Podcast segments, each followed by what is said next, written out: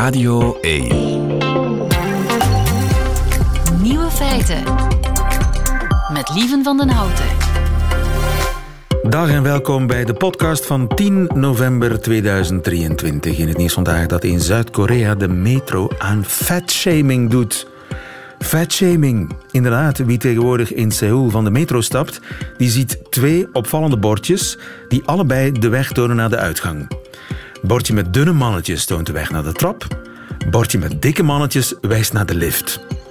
Pure fatshaming dus, en dat is in Zuid-Korea niet eens zo ongewoon. Het land staat bekend om zijn rigoureuze schoonheidsidealen. Kijk maar naar de gepolijste K-popsterren, die allemaal graadmager zijn op televisie. In Zuid-Korea zie je zelden een maatje meer. Maar het werkt wel, die bordjes. In de stations waar ze ophangen, nemen meer mensen de trap. Het is dus heel fout, maar toch goed. De andere nieuwe feiten vandaag. Je kan waterdamp maken met licht. Katten hebben bijna 300 verschillende gelaatsuitdrukkingen.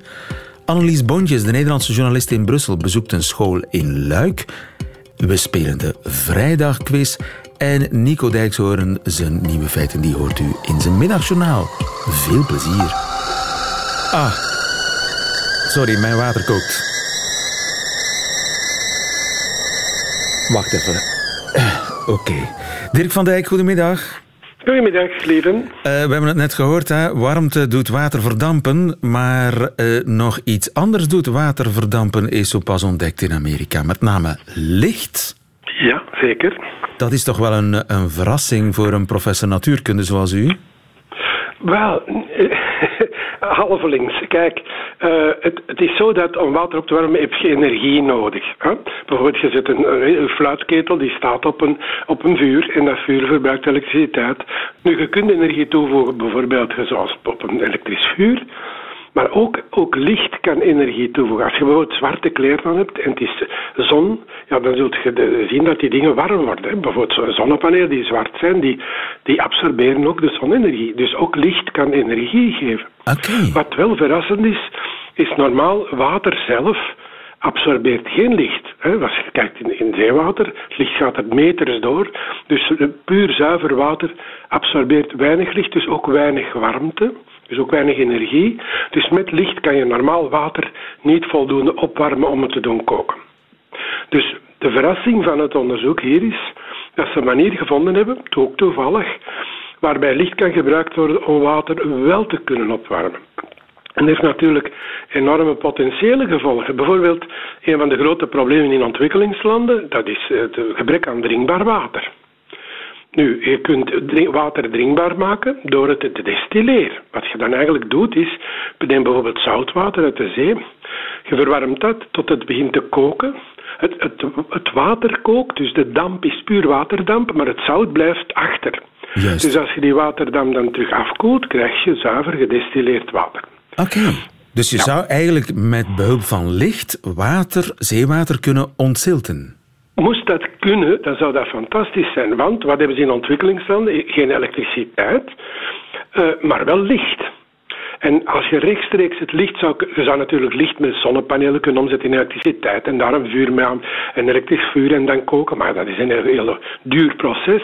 Moest je het water kunnen voldoende opwarmen met het zonlicht alleen, ja, dan is dat natuurlijk een heel interessante oplossing voor het ontzilten van het zeewater. En hebben ze wat dat betreft iets ontdekt dan uh, in Massachusetts aan die, aan die MIT, zoals het dat ja, uh, gerenommeerde instituut heet? MIT, ja, Massachusetts Institute of Technology. Wel, wel uh, toch, toch iets bijzeggen. Wij kunnen water wel opwarmen in een microgolfoven. Aha. En is dat een soort licht? Ja, dat is ook een soort licht. Dat zijn elektromagnetische golven. Alleen hebben die een veel langere golflengte. Die, die dat licht trilt altijd. Hè. Dus licht is een soort trillend elektrisch veld. En die dus het, de, de trilfrequentie van, van, laten we zeggen, van de microgolven, die liggen ongeveer in het gebied waarin dat die watermoleculen trillen. Dus die watermoleculen die kunnen microgolven opvangen en dus opwarmen. Dat is omdat daar het licht de juiste, juiste frequentie heeft, of de juiste golflengte. Maar het zichtbaar licht heeft dat niet. En dan is de vraag van, ja, kunnen we geen manieren vinden om toch met trucjes zonlicht te gebruiken om op te warmen? Men had al bijvoorbeeld zwarte deeltjes, zwarte poeder in het water gedaan, maar dat, is, dat werkt niet voldoende. En dan plots ontdekte men dat als je dus water opslorpt in een hydrogel, hydrogel, zoals bijvoorbeeld in een pamper, dat is een stof die heel veel water opvangt, dan, uh, dan blijkt dat men daar met licht toch wel water kan doen verdampen.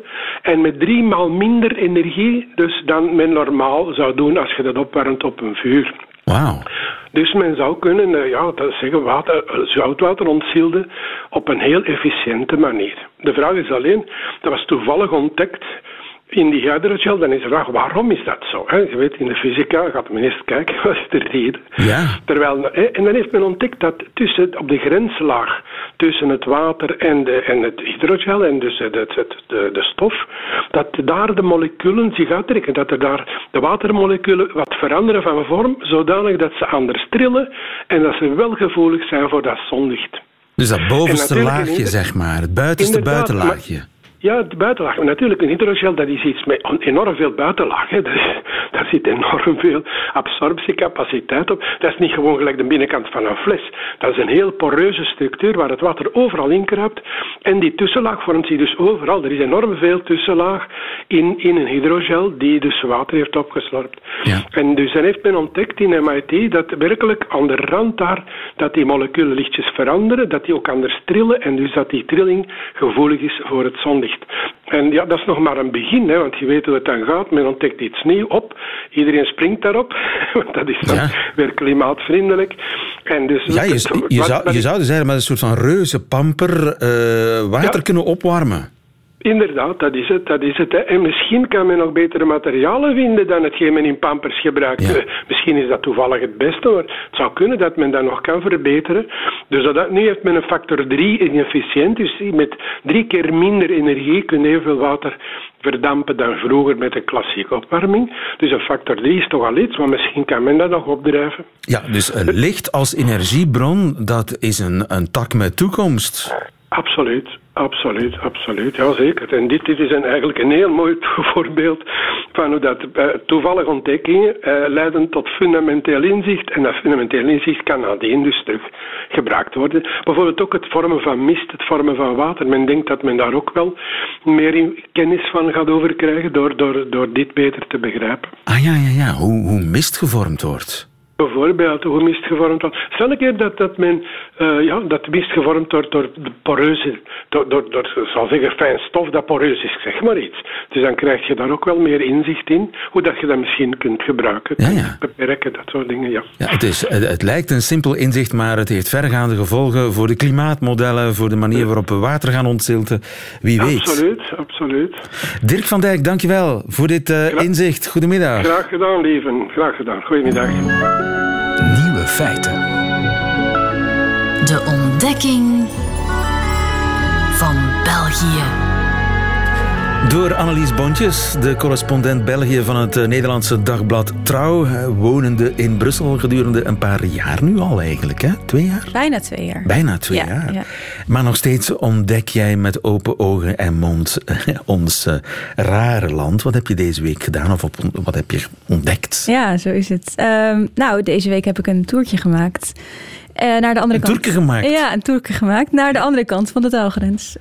Ik was deze week in Vissé. Ik weet niet of je dat kent. Visé. Ja, ligt net boven Luik of in de buurt van Luik. Echt tegen de grens met Nederland aan ook. En ook tegen Vlaanderen dus aan. Echt zo omklemd door het Nederlands. En ik ging daar naar een middelbare school. Want, eh, lieve, ik heb ontdekt dat ehm, Nederlands dus niet verplicht is op scholen in Wallonië. Nou, dat vond ik dus wel weer heel erg apart. Dus jij dacht, die kinderen, die leerlingen, die krijgen er allemaal Nederlands. Ik kan met mijn Nederlands mij verstaanbaar maken. Ja, Op- ja, ik was wel eens benieuwd hoe dat ging. Want ik had dus begrepen dat Frans verplicht is eh, op Vlaamse scholen en in Brussel. Maar andersom Nederlands dus niet verplicht is op Waalse scholen. En dat het zelfs een beetje uitdreigt te sterven. Eh, want leerlingen die moeten in het eerste leerjaar kiezen tussen Nederlands of Engels. En een heel groot deel van die leerlingen die kiest dan liever voor het Engels dan voor het Nederlands. Ja, eh, heb je bij ons trouwens ook, hè? Engels tweede taal kun je ook kiezen, maar dan krijg je Frans derde taal. Dus Ja. je krijgt toch wel Frans. Ja, Dan. ja, een aantal jaar ook, toch? Ja, ja, ja. ja, ja, Ja. Maar dus dat verbaast jou? Nou, dat verbaast me natuurlijk enorm. Want zeker voor dit, uh, die school in Vissé. Ik bedoel, dan, als je dat klaslokaal uitkeek... dan kon je letterlijk Nederland eigenlijk zien. Uh, en dan zit je in zo'n Franstalige bubbel. Uh, die kinderen die vertelden me... ja, ik kom er nooit in aanraking met het Nederlands. Series zijn gedubt, hebben we het ook een keer over gehad... wat ik nog steeds verbazingwekkend vind. Films zijn gedubt, de kranten zijn in het Frans. Op de radio hoor je nooit een Nederlandstalig nummer. Nooit, hè? Nooit. Doen nooit. ze nooit. Nooit, nooit, nooit. Nee, dus je zit gewoon echt in een, in een bubbel. Ja. Raar, hè? Ja, en dan zijn ze ook gewoon niet zo fan van het Nederlands. Nee, want dat doet me denken aan uh, Christophe de Borsu, de, onze man in Wallonië, die af en toe komt berichten over wat daar speelt. Die heeft onlangs iemand op straat geïnterviewd in, in Luik met de vraag, zou je daar ooit willen wonen, werken? Want ja, er is heel veel ja, werkloosheid, uh, enfin, werkloosheid in Wallonië, maar er is veel werk hier. Dus het zou voor heel veel mensen een oplossing zijn yeah. om uh, Waalse mensen dan om in Vlaanderen te komen werken. En dan antwoordt deze... Travailler en Flandre s'il y avait une offre d'emploi là-bas euh, Non, je ne pense pas. Pourquoi J'en entends pas du bien. J'ai l'impression que ça se droitise fort. Quoi. Donc ça vous ferait peur d'aller travailler là-bas Oui d'habiter là-bas même. Ma famille n'aime pas le néerlandais, ils disaient toujours que c'était une langue de, une langue d'extraterrestre. C'est dommage, je c'est enfin, c'est une, une langue comme une autre. Ja, ik, ik hoor daar rare dingen over, zegt deze man. Het, ze zijn daar aan het verrechten. En die taal is ja, een taal voor buitenaardse wezens. Ja, dat is nogal wat. Ja, nou ja, die, die kinderen inderdaad op school, of leerlingen, ja, tieners moet ik eigenlijk zeggen, die waren ook niet zo fan van het Nederlands, vonden ze een lastige taal. En wat ze ook zeiden... Wat heb je het... geprobeerd om een gesprek te voeren? Ja, uiteraard. Ik heb ze geprobeerd in het Nederlands te interviewen en uh, dat ging best aardig, maar ze zeiden, vond ik ook wel grappig, wat ze vooral dan moeilijk vonden, was al die dialecten hier in Vlaanderen. Want ja, uh, dat is ook nog een extra uitdaging om het Nederlands te verstaan dan natuurlijk. Ja, dus misschien moet de Vlaming ook maar eens in de spiegel kijken en als hij uh, Nederlands eist van de Franstaligen, moet hij het ook van zichzelf eisen. En, en misschien is dat ook wel een, spreken. Een, een, een, netjes spreken, inderdaad. Een, een verklaring. De, de Franstaligen denken, ja, maar die spreken helemaal geen Nederlands, die Vlamingen, die spreken een soort onder Nederlands. Hoe moet ik het, ja, allicht. hoe moet ik het noemen? Ja, maar ja, er gaan nu plannen op om uh, het Nederlands toch te gaan verplichten, ook op scholen in Wallonië. Ja, het, uh, het moet er dan toch van komen. Het, uh, in het leerjaar vanaf 2027 zou het verplicht moeten worden. Dus dat wilde ik ook weten van die leerlingen, of ze denken dat dat een goed idee is. En nou, wat ik ook wel opvallend vond, was nou ja, misschien ook omdat deze leerlingen specifiek voor het Nederlands kozen. Die vonden het toch wel echt belangrijk dat iedereen de twee talen sprak. Die waren heel België-gezind. Bel hoe noem je dat? Iemand die van België houdt ook alweer? Ja, en er waren echte Belgicisten. Dus die vonden dat toch wel heel belangrijk. Maar uh, die directeur van die school zei: Ja, dat kunnen ze in de politiek wel zeggen. Maar waar gaan ze die docenten vandaan toveren? Want dan kom je weer bij het volgende probleem. Er is gewoon enorm tekort aan docenten die Nederlands geven. Niet alleen in Wallonië, maar ook in Vlaanderen. Plus, het is niet zo interessant voor docenten uit Vlaanderen om les te geven in Wallonië. Vanwege die Um, afwijkende schoolkalenders uh, ook die je hebt bijvoorbeeld. Dus dan ja, als jij in Vlaanderen woont, lesgeeft in Wallonië, heb je niet dezelfde vakantie als je kinderen. Ja, dat is dan niet zo, niet zo fijn. Dat snap ja. ik ook wel. Plus de lonen liggen lager in Wallonië. Dus ja, er zijn nog wel een aantal dingen die, die ze recht kunnen trekken, denk ja, ik. Zo simpel is het uh, allemaal niet. Maar het blijft toch uh, moeilijk te vatten dat je in een land woont en de, de taal van de meerderheid van dat land, dat eigenlijk ook zelfs bijna je, jezelf van afschermt. Ja, en dat dat dus blijkbaar kan. Ja, dat, dat, dat je daar niet mee in aanraking komt. Ja, dat Doe, je... Ik heb ooit de weg gevraagd in Brussel aan een vrouw in Nederlands. En die antwoordde in het Frans dat ze geen Duits verstond. Dus de, louter het herkennen van de taal is ja, al een probleem. Wow, dat is toch bizar? Ja, want er studeren gewoon heel veel kinderen af die dan gewoon hun diploma hebben en nog nooit een uur les in het Nederlands hebben gehad. Terwijl dat de tweede officiële taal is. Is heel apart. En één leerling vertelde me ook, dat vond ik ook heel grappig, dat ze wel eens Nederlands sprak als ze naar Nederland ging, een dagje naar Maastricht. Maar dan bestelde ze iets op het terras in het Nederlands en dan werd er geantwoord in het Engels. Ja. ja. Dus uh, we kunnen allemaal iets veranderen. Ja. Uh, de Nederlanders kunnen hun uh, Engels misschien wat uh, langer op zak houden. Want als ik, zelfs ik, in het Nederlands iets bestel in Amsterdam, dan uh, overkomt me dat ook. Ja. Dat ze mij antwoorden in het Engels. Ze, denken dat, ze zijn daar dan trots op, denk ik.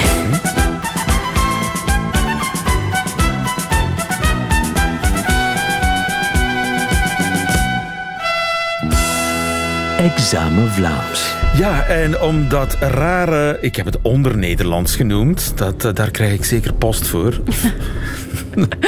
Om dat te testen bij jou. Elke, Maar we hebben niemand specifiek uitgelicht, hè? Nee, Ik heb nee. expres op mijn woorden gelet. Wat is een koer?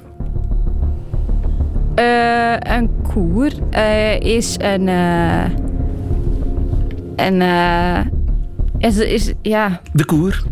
een, eh, een, een, een ronde... Ronde? Of een Het is ro- rond. nee, waar heb je die leerlingen gesproken? op school? Waar in op het school? klaslokaal? In het klaslokaal. Ah. Maar je had ze ook op de... Sp- speelplaats? Juist. Oké. De koer. De speelkoer wordt ook wel eens gezegd. Een koer is een soort ja, binnen, binnenplaats eigenlijk.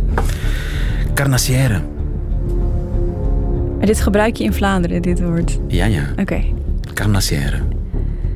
Ja, ja, ja. Eh, ik denk Het- dat... sterker nog, ik denk zelfs dat het in Wallonië niet gebruikt wordt. In het Frans, Frans betekent het volgens mij zoiets als een vleeseter. Carnassier, carnassière, vleesetster. Maar dat heeft het in Vlaanderen totaal niet die Oh, betekenis. het klinkt als een baan of zo, of niet? Een Carnassière. Ja. Nee, het is een boekentas. Oh, Carnassière. oké. Misschien is het een beetje verouderd. Of, ja, niet overal gebruikelijk. Zou kunnen. Een plunjezak. Een plunjezak. Pennenzak. Ja, dat is een etui. Oh, ze- zeggen jullie dat ook? Nee. Nee, maar dat heb je geleerd. Dat vond ik nog wel... eh, Pennenzak. Die kon ik nog wel doen. Oké. En En, dan stoppen we nu. en eh, een, een studiemeester? Leraar is dat dan? Een studiemeester? Eh, Nee. nee? Oh. Nee. Een studiemeester. Eh, een boek. Nee. Een bord. Nee, is een surveillant. Oh, joh. Iemand die rondloopt op, op, de, op de koer. De studiemeester. En eventueel zelfs strafstudie geeft. Wat is strafstudie? Eh, hu- huis, huiswerk dan? Nee. Nee, nee, nee, nee, nee. Strafstudie. Straf. Gewoon... Ja, het is een straf, maar Eh, het is een heel specifieke straf. Je moet op school nablijven. Oh, nablijven. Ja, ja. Nablijven, strafstudie. Ja. het, ging nog, het ging nog, vond ik deze Ja, week. mooi. ik heb betere weken gehad. Dalida kan wel Frans en Nederlands. Speel niet met mijn hart. Waan als het ooit breken zou. Waan leden dan smart. Dan breekt het alleen door jou. Speel niet met mijn hart. De liefde van jouw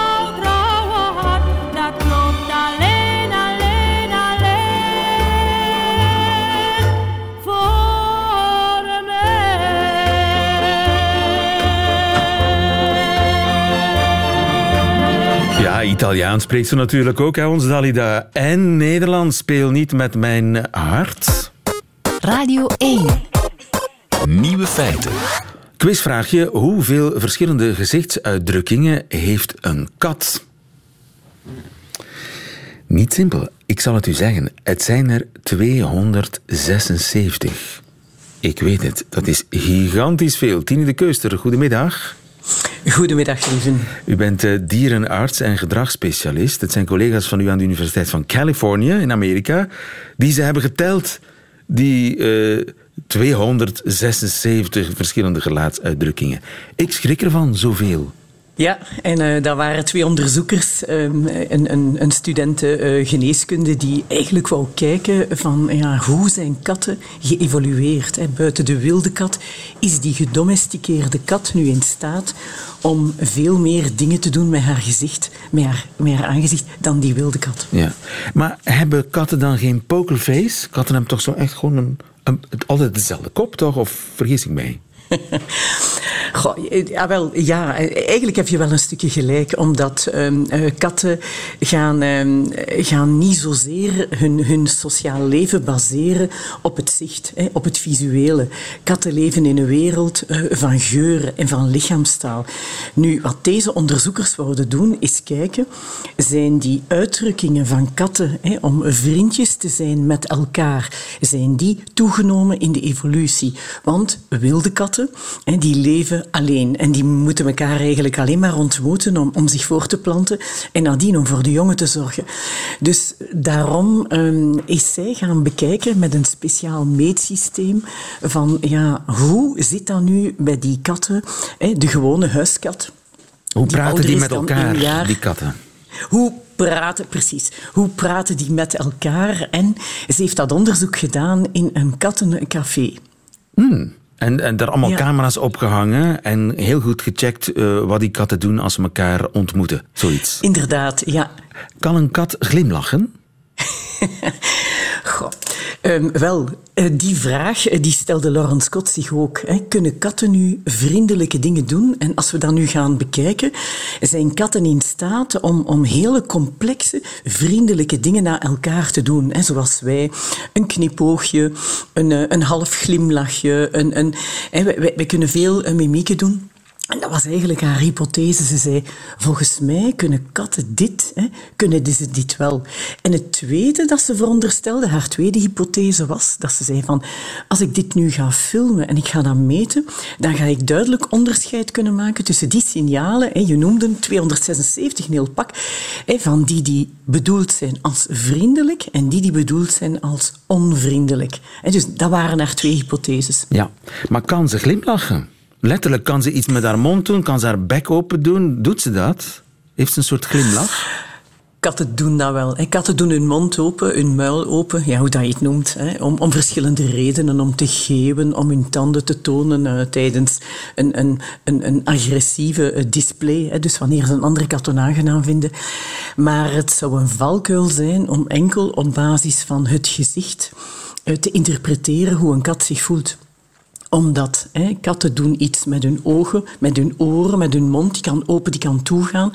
Als die toe is, kan dat betekenen van ja, ik zit hier wel rustig. En als die open is, kan dat eigenlijk ook betekenen ik zit hier wel rustig, want ben aan het geeuwen.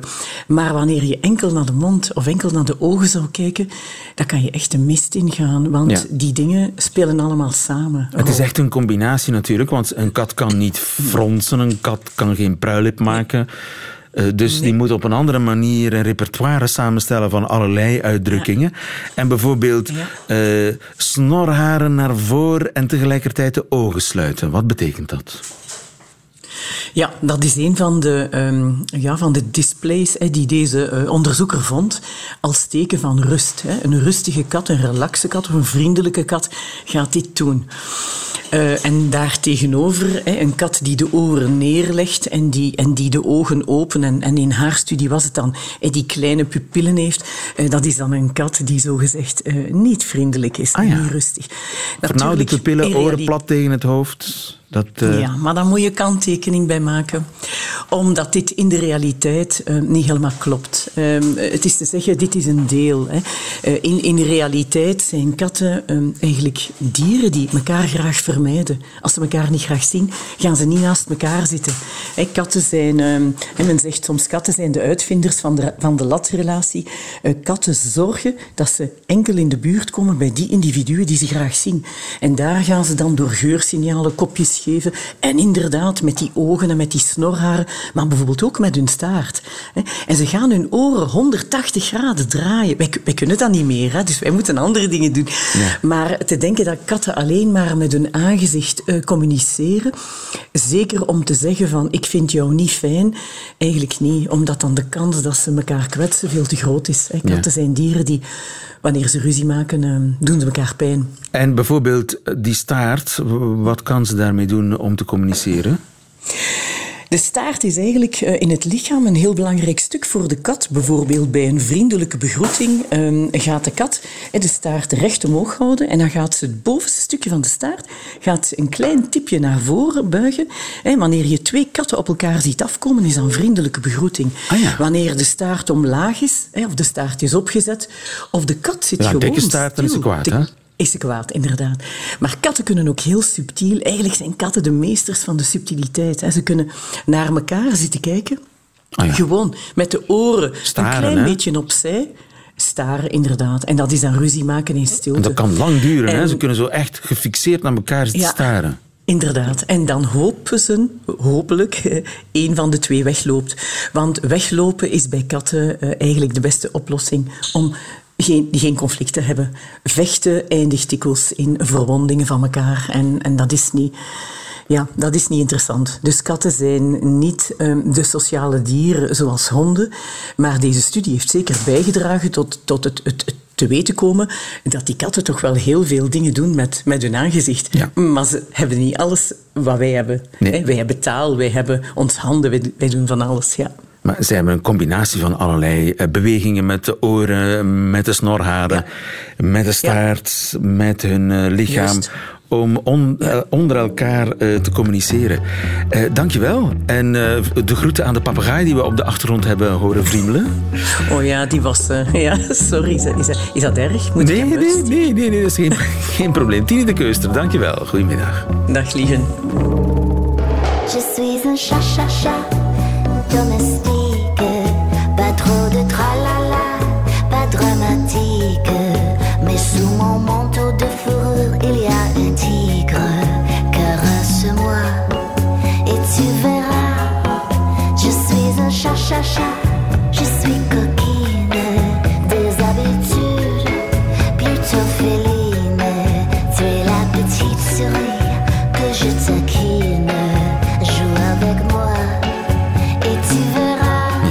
zeker van dat ze haar snorharen ook voor en achter kan bewegen. En haar oortjes eh, 360 graden. Gilles Barbert en Chat Domestique. Nieuwe feiten. Vrijdagquiz. Ja, en eh, Matthias Dont is erbij bij komen zitten met een kwaad gezicht en een nors gezicht, want hij heeft een hele strenge vrijdagquiz samengesteld. Goedemiddag, Matthias. Lieven. We spelen met eh, Cindy van Dijk. Goedemiddag, Cindy. Goedemiddag. Cindy uit Herentals, wat was je aan het doen? Ehm, ik was aan het eten. Wat was je aan het eten, Cindy? Wij willen dat altijd Oh. weten. Boterhammen. Boterhammen. Gewoon, gewoon droog brood, Cindy, toch? Boterhammen ja, nee, met beleggen, met confituur en Ah. dergelijke. Feest daar in Herentals. Je speelt, je speelt tegen Benjamin. Dag Benjamin. Hey, dag lieve. Benjamin, wat was jij aan het doen? Je klinkt zo wakker. Ja, ja, absoluut. Ik ben actief. Ik ben niet aan het eten. Ik ben uh, steenuilenkasten aan het maken, aan het voorbereiden voor eh, zondagmorgen met eh INM Jeugdbond Natuur en Milieu. En dan ontvangen de kinderen en gaan we die steenuilkasten maken. Steen? Steenuil. Steenuilkasten. Oké, ik ben trots op je, Benjamin. Goed, ik ga jullie kennis testen van vier nieuwe feiten. Ik begin bij Cindy, die zich het eerste heeft gemeld. Zolang ze juist antwoord blijft aan de beurt. Bij een fout antwoord gaat de beurt naar Benjamin. En wie het laatste nieuwe feit goed kent, die wint deze quiz. Cindy, in welk land wordt volgens de meest recente metingen het meeste pizza per hoofd van de bevolking gegeten? Waar eten ze het meeste pizza? Is dat A. in Griekenland? B. in India? C. Noorwegen? Ehm, Ja, Italië staat er niet tussen. gok- Dat zal een gokje worden in Griekenland. In Griekenland. Fout! Is het niet, Benjamin? India, daar wonen de meeste mensen. Nee, nee, het is per hoofd, hè. Het is per hoofd. Het is niet de totale hoeveelheid. Het is per hoofd, hè. Laten we India pakken toch. Toch, India? Noorwegen. Ja, het is een onderzoek van de eh, World Population Review. Dat is een organisatie die statistieken ver- eh, verzamelt. En in Noorwegen eten ze blijkbaar 11,4 eh, kilogram pizza per inwoner per jaar. 11 kilo pizza per jaar. Ja, in India in- eten ze het minst pizza. Daar is het 1,3 kilogram pizza per jaar. En bij ons is het 5,3. Dat betekent dat we terug bij Cindy zitten met vraag 2 over pizza gesproken. Waarin verschilt Italië van alle andere landen ter wereld volgens nieuw onderzoek? A. Italië is het enige land waar Coca-Cola niet de populairste frisdrank is. B. Italië is het enige land waar mannen vaker koken dan vrouwen. C. Italië is het enige land waar minder dan 15% van de huwelijken op de klippen loopt. A, B of C? Oei. Moeilijk, hè? Ja. Ehm, ik zal alweer moeten gokken. Ik gok op het koken. Koken! Dat is helemaal goed. Italië is het enige land waar mannen vaker koken dan vrouwen. Ja, het is een onderzoek uh, uitgevoerd door Gallup en dan een voedingsbedrijf Cookpad. Ze hebben de kookkloof in uh, kaart gebracht. Dus dat is hoe vaak mannen in de keuken staan uh, op weekbasis en hoe vaak vrouwen. En Italië is het enige land waar de mannen iets het is zo goed als 50-50, maar de mannen koken daar net iets vaker dan de vrouwen. Kijk eens aan zeg, in het land van La Mama.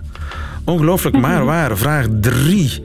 Ik blijf bij Cindy, die de vorige vraag juist had. Wat hebben dieven uit het geboortehuis, zeg maar geboortepaleis, Blenheim Palace, van Winston Churchill gestolen?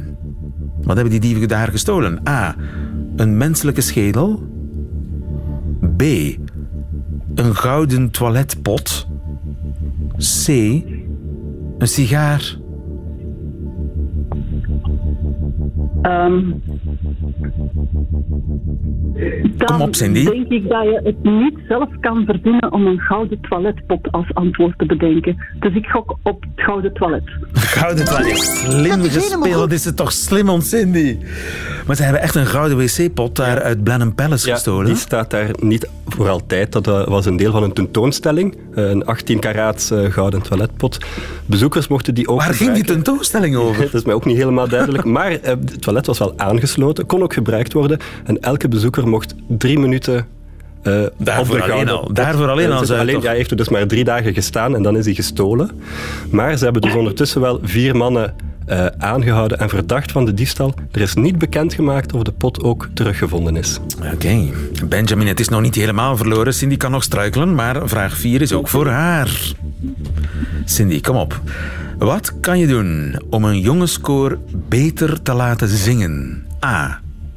Ervoor zorgen dat er genoeg meisjes in het publiek zitten. B. Laat elke zanger twee uur voor een optreden drie wortels eten. C. Richt alleen maar rood licht op het podium. Wat doet een jongenskoor beter zingen? Cindy. Oei, dat is ook weer zo'n dan gok ik toch ook wel weer op het antwoord dat je niet zelf gaat verzinnen en dat zijn de wortels. De wortels! Ah, Cindy toch. Bijna de finish gehaald, maar de beurt gaat toch naar Benjamin. Benjamin. Ja, wel, een goede raad van een vrouw. Een man doet altijd alles beter. Als een vrouw toekijkt, dus A. Dat is helemaal goed. Dat is helemaal goed, Benjamin Vergouwen. Zo gaat dat in de medogeloze vrijdagquiz. Sorry Cindy, het ging zo goed. Dus iemand op uw redactie heeft de antwoord echt zelf verzonnen. Juist. ik, kijk, ik kijk naar Matthias, ik zeg niet wie. Uh, Cindy, sorry, en volgende keer uh, meer kans, want inderdaad, zorg ervoor dat er genoeg meisjes in het publiek zitten en de jongens zingen beter. Het is eigenlijk simpel. Hè? Ja, absoluut. Ja. En de wetenschappers veronderstellen ook dat dat eigenlijk het uh, core-equivalent is uh, dat ze ook waarnemen bij kikkers en krekels, die uh, hun individuele roep veranderen om zich te onderscheiden van de, de massa-krekels tijdens partnerverleidende refreinen. Ja jongens zijn kikkers. Daar voilà, komt het eigenlijk aan neer. Benjamin, weet je al welk boek je gaat kopen voor je boekenbon van 25 euro? Jazeker, voor mijn vrouw een, uh, een uh, woordenboek Pools-Nederlands. Pools-Nederlands? Je vrouw is Pools? Nee, die is niet Pools, maar die is Pools aan het leren. Uh, de schoonzus is een Poolse en ja, mijn vrouw Fijn idee. Is, ja, die, die, kan dat. Ja, ja, ja dat is niet gemakkelijk, hè, die taal. Pools, met al die... Maar toch een prachtige taal, Benjamin. Ik wens je heel veel succes met je woordenboek en de studie Pools van je vrouw. En volgende week is er weer een vrijdagquiz.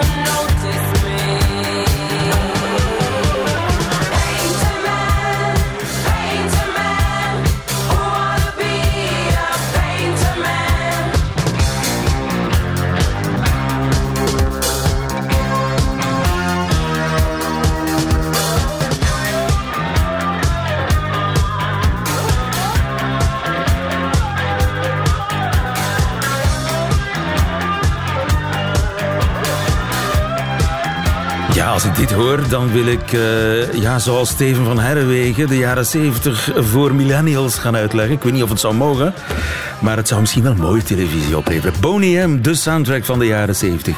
En Painterman, waarmee u alle nieuwe feiten gehaald heeft van deze 10 november 2023. Behalve die in het leven van deze jongeman. Nieuwe feiten. Middagjournaal.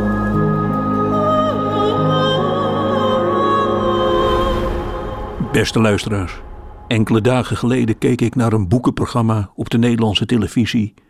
En daar werd een dichter aangekondigd en ik ging er eens goed voor zitten. Dichters lijken de laatste tien jaar ergens met z'n allen in een donker bos te leven. Je ziet ze bijna nooit meer in het wild. Ze gedragen zich ook als dieren, snel een brood kopen en dan weer terug de vergetelheid in. Binnenkort gooit iemand een net over een dichter heen en daarna staat hij opgezet in een verlichte vitrine in Museum de Naderende Dood. Dat er nu opeens midden in een programma over literatuur een dichter zomaar iets mocht voorlezen, dat deed mij goed. Er ging een vrouw van ongeveer 25 jaar oud midden in de studio staan en ik wachtte tot ze een tekst uit haar achterzak frommelde. En dat gebeurde niet. Ze begon met de ogen wijd open, recht op de camera, heel dwingend. Een tekst over vrijheid of geen vrijheid, oorlog, liefde, van alles voelen en daar iets mee doen, elkaar omarmen in eeuwige liefde en nog veel meer glijmiddelachtige teksten voor te dragen. En luisteraars, na twee zinnen wist ik genoeg. Ik keek hier naar de hel die spoken word heet. Ga staan en zes minuten met rare uithalen in je stem en met de ogen van een stervend hert een tekst voorlezen alsof je de Rode Zee staat te splijten. Ik ben al heel oud en ik heb spoken word langzaam de reguliere poëzievoordracht van het podium zien duwen. Ik zal na dit middagjournaal wel worden weggezet als een fossiel, als iemand die de vooruitgang niet meer kan bijbenen. Maar luisteraars, dat moet dan maar. Voorgedragen gedichten moeten in de hand worden gehouden. Ik wil het papier zien trillen van woede. Ik wil schrikken als opeens een woord in mijn gezicht wordt gesmeten waar ik van walg. Ik wil niet luisteren naar voordragskunstenaars die hun handen als hiphoppers in mijn smoel duwen. Ik wil een dichter die mij door zijn gedicht heen trekt, die mij niets wil leren en die mij niet het paradijs in wil trekken. Nee, luisteraars, ik wil een dichter die mij aan zijn haren door de hel trekt, die met woorden alleen zijn voet in mijn nek zet en me recht in zijn ziel laat kijken. Ik wil doodsbang worden van een dichter, of ik wil voor zijn deur slapen om te zien alsof hij als een mens beweegt wanneer hij een brood gaat kopen. Ik wil geen dichtende welzijnswerkers. Ik wil dat het niet rijmt en dat het woest door mijn lichaam stuitert. Ik wil geen vredesduiven die hun handjes bewegen tijdens het lezen. Ik wil een dichter die schrijft over leven en dood en zijn gedicht uit de krochten van zijn ziel heeft getrokken. Al dus, uw spoken word medewerker van Nieuwe Feiten.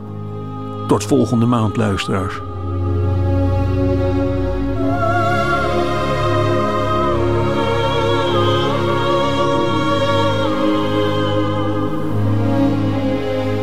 Nico Dijkshoorn heeft iets van een poëet of van een spoken word artiest. Maar dat durf ik bijna niet hardop te zeggen. Nico, dankjewel. Einde van deze podcast. Hoort u liever de volledige nieuwe feiten met de muziek erbij. Dat kan natuurlijk live elke werkdag tussen 12 en 1 op Radio 1. Of uitgesteld via VRT Max. Tot een volgende keer.